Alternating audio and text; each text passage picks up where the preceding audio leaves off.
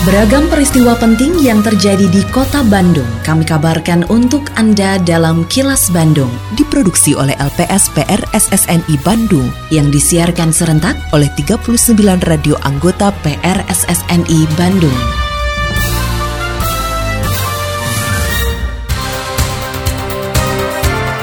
Sejumlah informasi aktual kami hadirkan untuk Anda dan inilah informasi utamanya.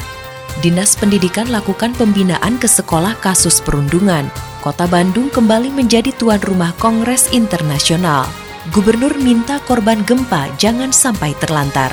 Saya, Santika Sari Sumantri, inilah kilas Bandung selengkapnya.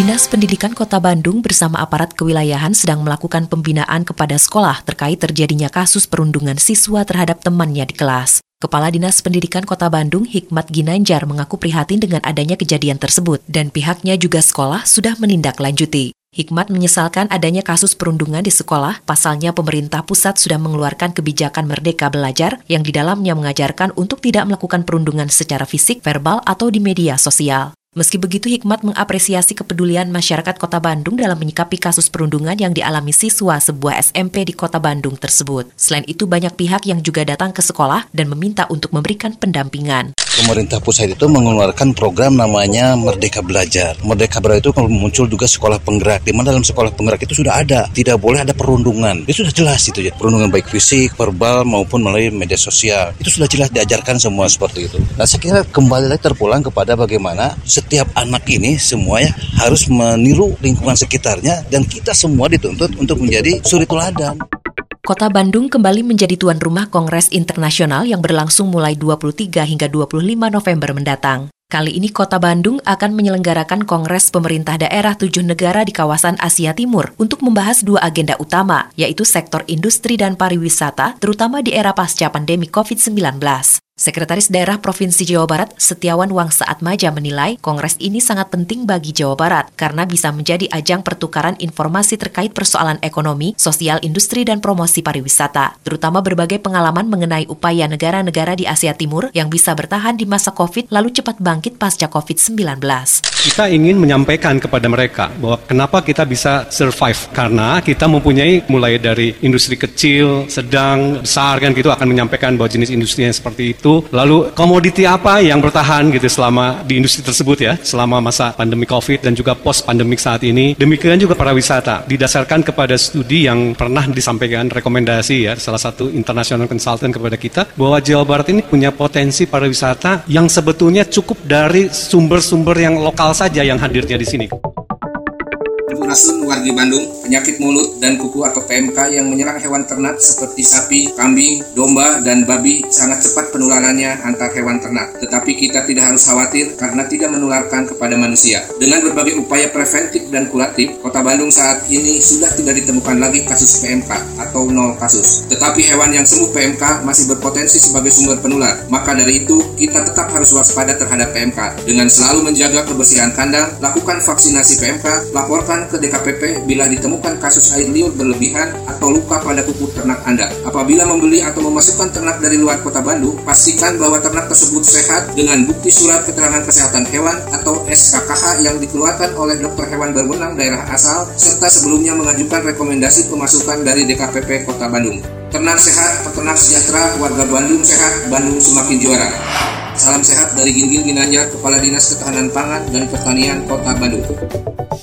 Assalamualaikum warahmatullahi wabarakatuh. Sampurasun. Dalam rangka meningkatkan promosi pariwisata, Disput Park Kota Bandung selalu menghadirkan informasi terkini dengan beberapa media yang digunakan untuk Instagram Live dilakukan setiap hari pada Instagram TIC.Bandung. Untuk siaran radio reguler setiap hari Jumat pukul 13 waktu Indonesia Barat. Untuk konten, foto, video, dan konten lainnya ada pada Instagram TIC.Bandung. Buat Anda yang ingin mencari informasi secara langsung, dapat langsung mengunjungi kantor turis Informasi Center di empat lokasi. Lokasi satu di kawasan Masjid Raya Bandung, Jalan Asia Afrika nomor nomor 78, lokasi 2 di kantor reservasi kawisata Stasiun Kereta Api Bandung, lokasi 3 di Bandara Husein Sastra Negara, dan lokasi 4 di Salapak Microshop Jalan Insinyur Haji Juanda nomor 10A Bandung.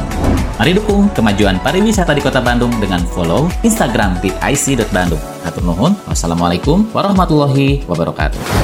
Iklan layanan masyarakat ini dipersembahkan oleh Dinas Kebudayaan dan Pariwisata Kota Bandung.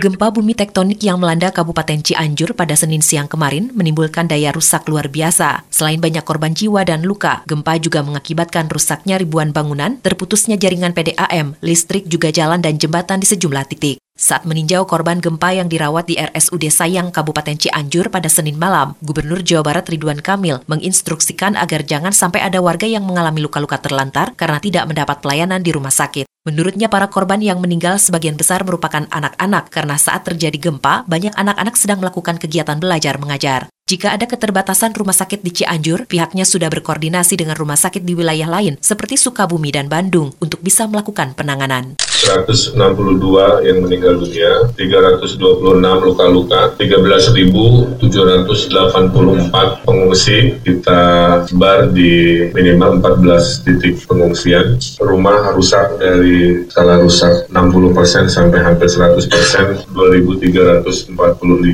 unit rumah. Mayoritas yang meninggal dunia adalah anak-anak. Prihatin juga karena peristiwa terjadi saat anak-anak sedang banyak di sekolah umum, melanjutkan pelajaran di madrasah.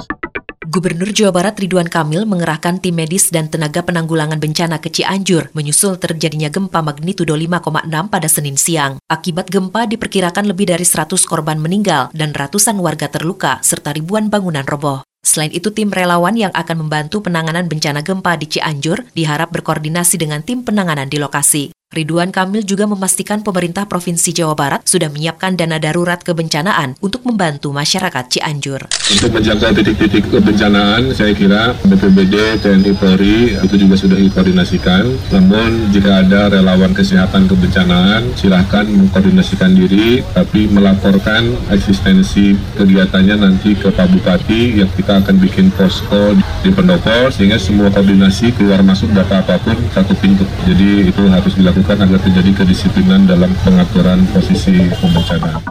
Pasokan listrik yang sempat padam akibat gempa di Cianjur mulai berangsur normal. Sebanyak 1.800 lebih gardu dan 17 penyulang telah beroperasi kembali, sehingga normalisasi pasokan listrik sudah sekitar 89 persen. Manajer Komunikasi dan TJSL PLN Unit Induk Distribusi Jawa Barat, Dindin Mulyadi mengatakan pihaknya mengerahkan alat berat untuk mempercepat perbaikan jaringan dan tiang roboh akibat gempa. Menurutnya, saat ini PLN fokus menormalkan jaringan listrik untuk fasilitas publik seperti kantor pemerintahan, puskesmas, dan rumah sakit. Selain itu, PLN juga mendirikan tenda darurat di RSUD Cianjur untuk menampung pasien dan warga yang rumahnya mengalami kerusakan. Fokus kami melakukan penormalan kelistrikan untuk fasilitas publik antara lain kantor pemerintahan, puskesmas, dan rumah sakit. Kemarin sore pasokan untuk RSUD Cianjur, RSUD Cimacan, RSDH Cianjur, dan Rumah Sakit Bayangkara sudah normal seluruhnya.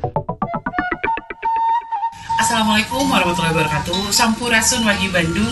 Saya Risa Saraswati ingin mengajak masyarakat atau teman-teman sekalian Khususnya yang suka berkendaraan atau ada di jalanan Untuk turut serta menjaga ketertiban umum Dan kelancaran arus lalu lintas Dengan tidak memberikan uang atau santunan kepada pemerlu pelayanan kesejahteraan sosial Atau PPKS jalanan Seperti contohnya anak jalanan, gelandangan, pengemis, dan lain-lain tidak memberi bukan berarti tidak peduli karena kepedulian kita bisa mencegah kebiasaan meminta dan secara tidak langsung membantu mereka mengoptimalisasikan daya gunanya. Jangan khawatir, sifat dan mauan warga Bandung bisa tetap tersalurkan dengan berdonasi hanya melalui lembaga resmi yang terpercaya dan sudah mengantongi izin dari pemerintah Kota Bandung. Saya Risa Saraswati, hatur nuhun. Wassalamualaikum warahmatullahi wabarakatuh. Iklan layanan masyarakat ini disampaikan oleh Dinas Sosial Kota Bandung. Kini, audio podcast siaran Kilas Bandung dan berbagai informasi menarik lainnya bisa Anda akses di laman kilasbandungnews.com. Lindungi diri dari COVID-19 dengan selalu memakai masker saat beraktivitas karena pandemi belum usai. Tetap patuhi protokol kesehatan di masa adaptasi kebiasaan baru untuk mencegah penularan virus corona.